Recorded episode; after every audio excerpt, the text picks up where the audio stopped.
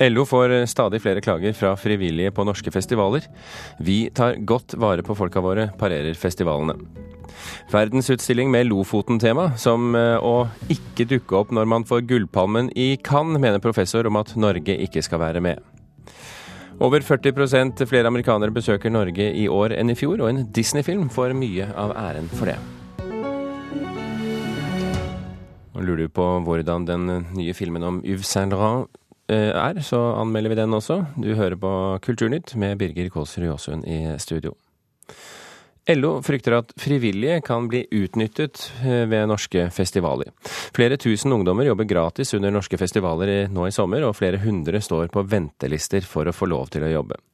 Ungdommene får gratis inngang på festivalen i bytte for arbeidskraft, men stadig flere klager nå til LOs sommerpatrulje. Vi har vann, frukt, egentlig kaffe, litt snacks til alle som jobber da, på festivalen. På ei grønn gresslette på HV-festivalen viser Jonathan Grunli fram ei tralle full av forfriskninger. Han jobber som flere tusen andre ungdommer i sommer frivillig på festival, og trives godt med arbeidet som gjør at han får bl.a. gratis festivalpass. Jobben min er med solskinnspatrulje. Vi skal gå rundt med en tralle. Så går vi og spør om de har det bra. For flere som er på jobb i tolv timer om gangen. Da kan det bli veldig, veldig lenge å ikke gjøre noen ting. Så da kommer vi, tar, slår av en prat, spør om de har det bra. Hvis det er f.eks. noe som de ikke er fornøyde med, så kan de si det til oss. Så kan vi gå og ta det i frivilligteltet. Men ikke alle frivillige rundt omkring på landets festivaler er like fornøyd som Grunnli. Det forteller ungdomsrådgiver Kent Rune Pedersen i LO. Han får stadig flere henvendelser fra ungdom som er usikre på hvilke rettigheter de har når en tvist oppstår med festivalene. Vi ser i hvert fall at eh, henvendelsene til oss er økende. Vi får eh, henvendelser på spørsmål om eh, rettigheter eh, med tanke på at, hvordan det er å jobbe frivillig. Pedersen viser til flere eksempler på misfornøyde ungdommer som har fått faktura på festivalpass fordi frivilligjobben ikke har blitt godkjent av forskjellige årsaker. Da har de gjerne vært på festivalen og oppstått kanskje at enten at de har blitt syke eller noe sånt noe, og da har de da ikke oppfylt kravene som festivalarrangøren ønsker, og får da, blir da sendt ut Eh, og må betale festivalbilletten. Og må betale andre utgifter og goder som man har som frivillig. Og nå skal LO fokusere mer på de frivillige framover. Det er helt klart at uh, ungdom kan bli utnyttet uh, på ulike måter på dette her, og det, er, det, det tar vi jo selvfølgelig på alvor. Og det er populært å være frivillig på festival. Slottsfjellfestivalen i Tønsberg har over 200 på venteliste, mens Øyafestivalen i Oslo allerede i april måtte stenge frivilligregistreringa pga. stor pågang. I disse dager går HV-festivalen av stabelen, og frivilligsjef Espen Nystad har ansvaret for de 2000 frivillige.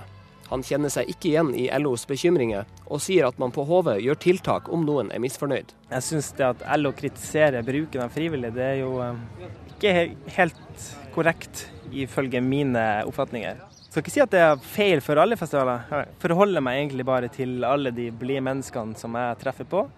Ehm, det er jo ikke alle som er fornøyd, men da tar vi en dialog med dem og spør hva vi kan gjøre for at de skal ha det bedre. Og så hvis det er noen som jobber med sikkerhet og sier at det her passer ikke for meg, så spør vi hva du har lyst til å jobbe med, og så flytter vi på dem til de føler seg ivaretatt.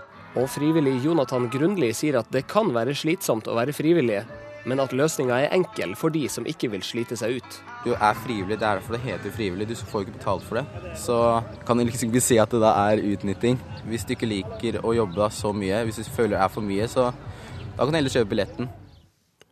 Reporter her, det var Martin Hotvedt.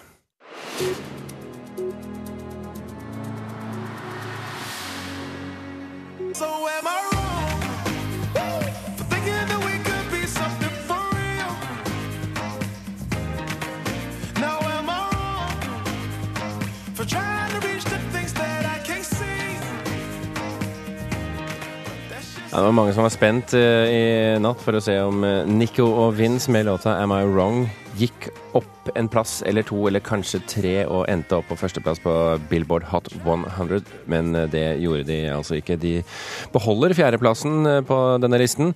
Duoen har nå ligget elleve uker på Billboard-listen listen over de 100 mest populære sangene i USA.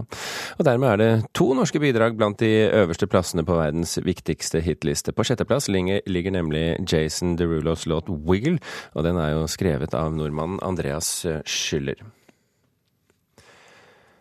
Oscar-akademiet saksøker familien til prisvinner, prisvinner, Joseph Wright. Familien skal ha solgt Oscar-statuetten til den avdøde filmskaperen som vant prisen for filmen My Gal Sal i 1942. Statuetten skal ha blitt auksjonert bort for 79 eh, 200 dollar, og det er kontraktsfestet at man ikke kan selge statuetten uten at Oscar-akademiet godkjenner det. Men det er ikke første gang de gullbelagte statuettene går under hammeren. I 2012 ble annet prisen for beste manus, den som ble gitt til ikoniske Citizen Kane i sin tid, solgt i Los Angeles, og da uten at akademiet klarte å stoppe det. Et av temaene under eh, neste års verdensutstilling i Italia er tørrfisk fra Lofoten og Querinis reise til Røst på 1400-tallet. Den verdensberømte utstillingen er ventet å trekke til seg nær 20 millioner besøkende, og så langt har 144 land meldt seg på. Men eh, Norge, som lager all tørrfisken, vi har takket nei til å være med. The Universal Exposition. It is a global event with a high... Det er jo en verdensbegivenhet på lik linje med filmfestivalen i Cannes. Så her er vi invitert for å komme på filmfestival for Gullpalmen, og så møter man ikke opp. Det sier professor i samfunnsvitenskap Allan Sande ved Universitetet i Nordland. Planlegginga av neste års verdensutstilling er godt i gang. Fordelt over et område på totalt én million kvadratmeter skal bidrag fra hele verden vises frem. Hovedtemaet er mat og vann, og med det kommer en spesiell sjøreise inn i bildet. Etter en stopp i Nord-Spania la de igjen ut på tur nordover. Og i november måned i 1431 kom de ut i store vanskeligheter i Biscayabukta. I storm og dårlig sikt kom skipet snart ut av kurs, og etter noen dager visste de ikke hvor de var. Så, den 17. desember 1431, forliste skipet. Mannskapet måtte gå over i to mindre båter.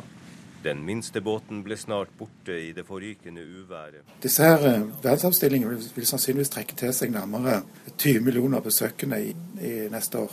Pluss at det får stor internasjonal oppmerksomhet. Og siden at eh, det er Kuinis reise til Røst og tørrfisk som er hovedtemaet, så er det jo en gyllen mulighet til å markedsføre Nordland fylke som reiselivsprodukt og matregion i verden. Og det går vi glipp av om vi ikke bruker muligheten som italienerne har invitert eh, regionen med på. Nærings- og fiskeridepartementet begrunner avslaget med at det er for liten interesse fra næringslivet for å kunne delta på verdensutstillinga.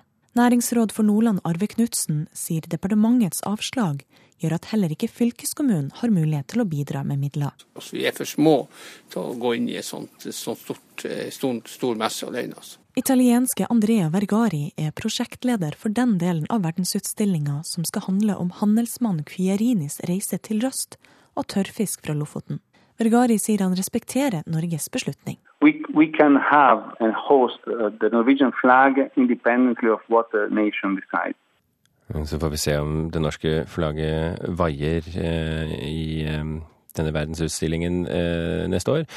Den arrangeres i Venezia og Milano og varer fra mai til oktober. Og reporter her, det var Hilde Mangset Lorentzen. En Disney-prinsesse og en snakkende snømann får æren for at amerikanere nå strømmer til eh, Norge. Fjord Norge og direktør Christian Jørgensen mener filmen Frozen har æren for at det er 42% flere fra USA i landet i år enn det var i fjor. USA har vi slitt med i mange mange år, men i år kommer det. I året eksploderer det, rett og slett. Summer in the city of Arendelle. Rett før jul kom Disney-filmen på kino i USA. I den animerte kassasuksessen er vi mellom fjord og fjell, stavkirker og isslott. I et landskap som kan minne om Norge, følger vi heltinne Anna, et reinsdyr og en snømann med norskklingende navn. Hi everyone, I'm Olaf, and I like warm hugs. Olaf? Nesten som et moderne folkeeventyr. That's right, Olaf. På Bryggen i Bergen, som òg er med i filmen, går søstrene Gaby og Marianne Burero. De går ikke med på at det er pga. Frozen de er i Norge, men de kjenner att element fra lerretet og i virkeligheten. The boats and and the yeah, fjords and, and the, the mountains and the moose. Yeah, it makes you want to visit a place like there because it's. I mean, it's like an ice castle. Like it's very, very beautiful. Couldn't really tell what the setting. I just knew it was cold. Dette er Mariloni fra San Francisco. Oh, now that I think about it, it did look a lot like Norway. Hva er det da som får amerikanerne til å reise til Norge pga. en vinterfilm fra Disney? Om det er slik Jørgensen i Fjord Norge hevder. Nei, altså Vi merker at folk har lyst til å reise i fotsporene på disse figurene i Frozen. Ja, det er en animasjonsfilm, men allikevel så er den laget så bra. Det er så flott egentlig sammensatt, både i farger, form og kultur og eh, historie, alle disse tingene. Folk ønsker å si dit vil jeg faktisk reise. Og så har de oppfatta at det faktisk fins et sted som er så vakkert som Frozen-filmen viser frem. Norsk reiseliv så muligheter når filmen kom. De sikrer seg rettene til å bruke den i markedsføringa av landet vårt. I markedsarbeidet, eh, i spesielt USA, så har eh, Innovasjon Norge sammen med Fjord-Norge, sammen med Norwegian, eh, jobbet aktivt med å rett og slett bygge en kobling mellom filmen 'Frozen' og at den rett og slett er inspirert av Norge, og da spesielt Vestlandet, som reisemål. Om én film kan sende turisttaler til himmels, her må det være store muligheter for vekst om en får Hollywood på laget. Våre amerikanske venner ser i alle fall kulisser som kan passe bra for flere norsk-amerikanske filmer. trying to think maybe some action, like do like a 007 but in Norway. That would I think be cool. He... I could see like a romantic movie, just like because because of the setting and what the buildings look like. Or a Viking, like have I an actual Viking. Vikings. They have no, a show like called a, Vikings. A move, like a movie. but definitely action I can see happening here because you guys have so many mountains, so people could hide away and like they could have a lot of mountain attacks and stuff.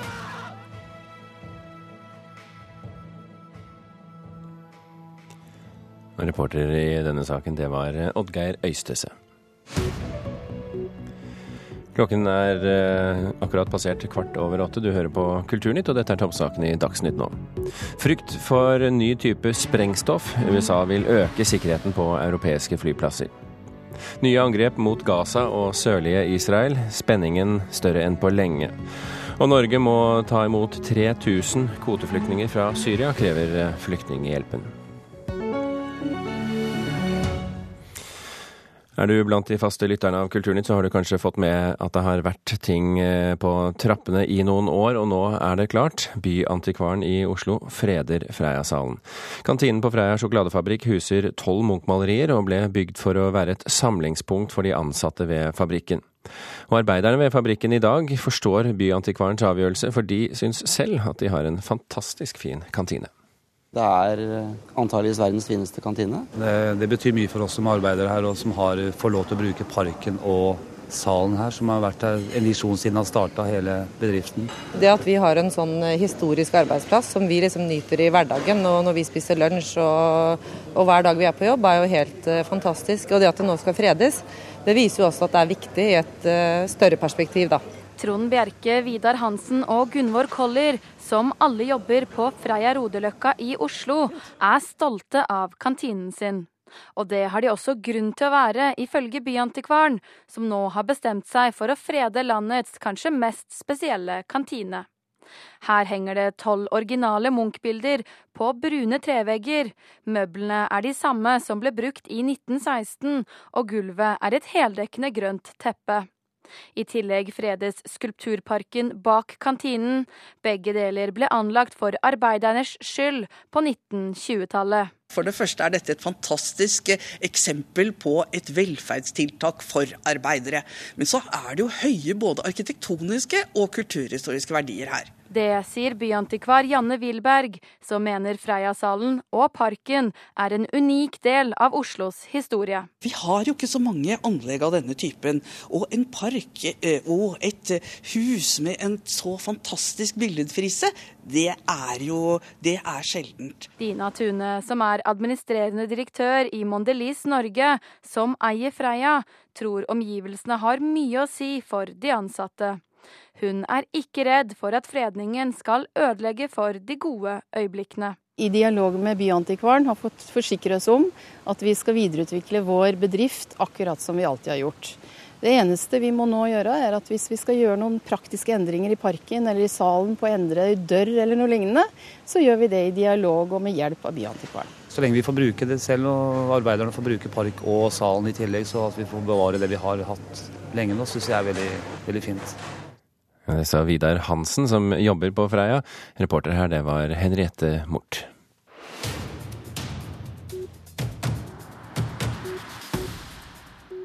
Filmbransjen ruller ut motefilmer på løpende bånd.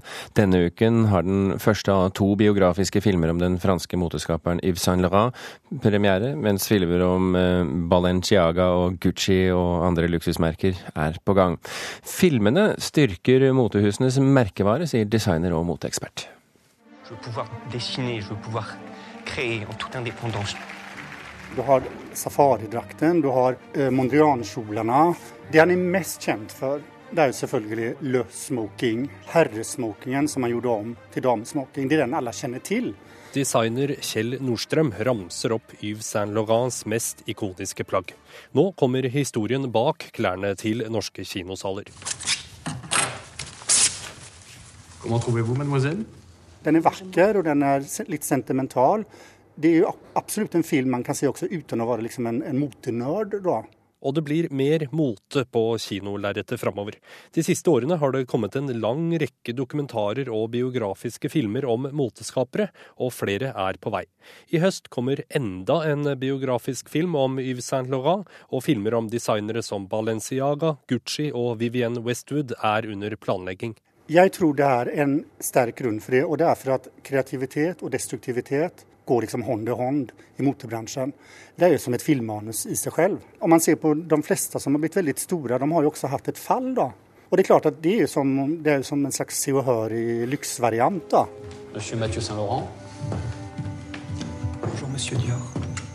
Etter at filmen om Saint Laurent hadde premiere i Paris i desember, har salget av klær og vesker fra motehuset økt med 27% Det kan ikke tilskrives filmen alene, men motehusenes merkevare styrkes når historien om dem fortelles på det store lerretet, mener Nordstrøm. Den filmen, altså den som har premiere nå 4.7, for den, den, er egentlig en stor, fantastisk vakker eh, reklamefilm for eh, myten rundt Laurent. Så man er helt avhengig av å ha den myten. Og det er klart at en designer som er kjedelig, da blir det ingen gode historier. Så det må være litt drama der. Et motehus er avhengig av det for å selge parfyme, håndvesker, eh, leppestift osv. Det sa Kjell Nordstrøm til reporter Halvor Haugen. Og Anmelder eh, Rune Haakonsen har sett den første filmen om eh, Yves Saint Laurent, og han eh, kaller den en visuell fest med en eksemplarisk hovedrolle. Men han mener samtidig at den hopper over altfor mange viktige perioder i moteskaperens liv. Vous ne vous sentez pas trop jeune pour diriger la plus grande maison de haute couture française Peut-on savoir ce que vous comptez faire pour votre premier défilé Comment vous sentez-vous maintenant Je ne peux pas dire tout ce que je ressens, mais je ferai de mon mieux, et ce jusqu'au bout. Ça, je peux en faire le serment, oui. Et ikon, en trendsetter, en moterebell. Yves Saint Laurent gjenreiste på 1960-tallet haute couture-moten, og senere brakte han motens høykultur ut til de store massene.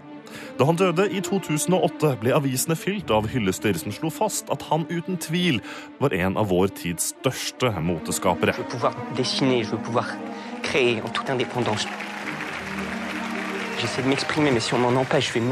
Allerede som 21-åring tok han over rollen som kreativ leder i motehuset til Christian Dior. Og her starter også fortellingen i filmen Yves Saint Laurent. Barndommen i Algerie, Laurents formative ungdomsår og veien til topps i Dior-systemet er viktige elementer i livet til moteskaperen, som regissør Jalil Jesper hopper over. Gjennom øyeblikksbilder fra 60- og 70-årene forsøker Lesper å granske mennesket bak de elegante kjolene, men glemmer på veien at Laurent var et menneske formet av et helt liv. Jeg vet ikke hvordan dere kan comptiez la taille sans entrer davantage. Si je peux me permettre. Comment trouvez-vous, mademoiselle? Moi, j'aime beaucoup. Hovedvekten i filmen, om hans liv, handler om de korte, kreative, eksplosive periodene, nervøse forberedelser til visninger, og ikke minst mye festing. Tidskoloritten er overdådig og stilriktig, og mest av alt er kostymene slående. Gjennom å låne originale kreasjoner blir filmen Yves Saint Laurent en visuell fest. Dette er filmens sterkeste kort. Laurents homofile identitet får mye oppmerksomhet i filmen, spesielt hans forhold til partneren Pierre Berger. Men regissør Lesbeth undersøker i liten grad hvordan denne identiteten formet moteskaperen Yves Saint Laurent. J'ai dit que vous me plaisez, je vous regarde danser depuis tout à l'heure. Je vous trouve très belle, je vous trouve moderne, je vous trouve longue. Vous accepteriez de porter mes modèles Stadig dykk inn i narkotika, nervøse sammenbrudd og tilfeldig sex settes i liten grad i kontekst med arbeidet og tegningene som redefinerte moteverdenen. Skuespiller Pierre Ninet gjør en eksemplarisk prestasjon i hovedrollen som den nervøse, tandre og introverte Laurent. Gulam Galien overbeviser også som Pierre Berger, partneren i både liv og forretninger, som sammen med moteskaperen startet motehuset som i dag bærer navnet Yves Saint Laurent.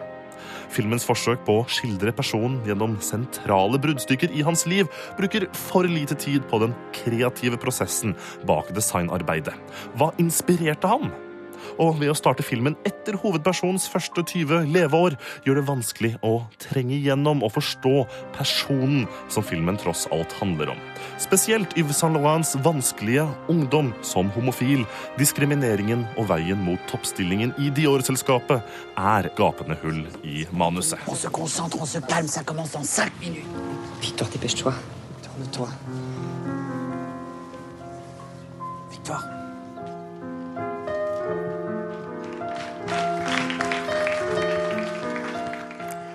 Du kan både se video og diskutere Rune Haakonsens dom over denne filmen hvis du går inn på nrk.no film. De siste årene har det vært en økende interesse for nysirkus her i Norge. Men til tross for det er sirkusmiljøet fortsatt lite. Denne uken så er rundt 25 ungdommer fra hele landet samlet til sirkusfestival i Tromsø, og målet er å bygge opp både kunnskap og miljø. Og på Sirkus Drømmefabrikken lærer man alt fra luftakrobatikk til scenekamp. Nå er du altfor høyt opp på ryggen. Her skal være. Bra, bra, bra, bra, bra. Det er mulig det høres verre ut enn det ser ut til når scenekampinstruktør Kristoffer Jørgensen kaster elevene i bakken. For her skjer det kontrollert, og det er det kontrollerte elevene skal lære. Det går fint, for det, jeg skader meg ikke og sånn. Og vi stoler på hverandre. Anne Hedvig Endresen er 13 år og har kommet fra Bergen for å være med på sirkusfestivalen Drømmefabrikken. Det var morfaren min, han hadde hørt om det på radioen, så det meldte jeg meg bare på. For han vet at jeg liker turné og sånn. Anne Hedvig liker turn, men hadde aldri drevet med sirkus før hun kom til Tromsø denne uka. Det er ikke noe sirkus som jeg vet om i hvert fall i Bergen, så da er det litt vanskelig. Ikke stopp bevegelsen, så det blir farlig. I stedet skal du søke inn her. For Julian Sæter fra Trondheim er forholdet til sirkus annerledes. Jeg har drevet på med sirkus nå i fem år og har undervist som lærer i ett år. Så jeg har holdt på med det veldig lenge og vært på en del festivaler og sånt. Så da var det jo selvfølgelig når vi har noen ting i Norge, så må jeg selvfølgelig være med på det.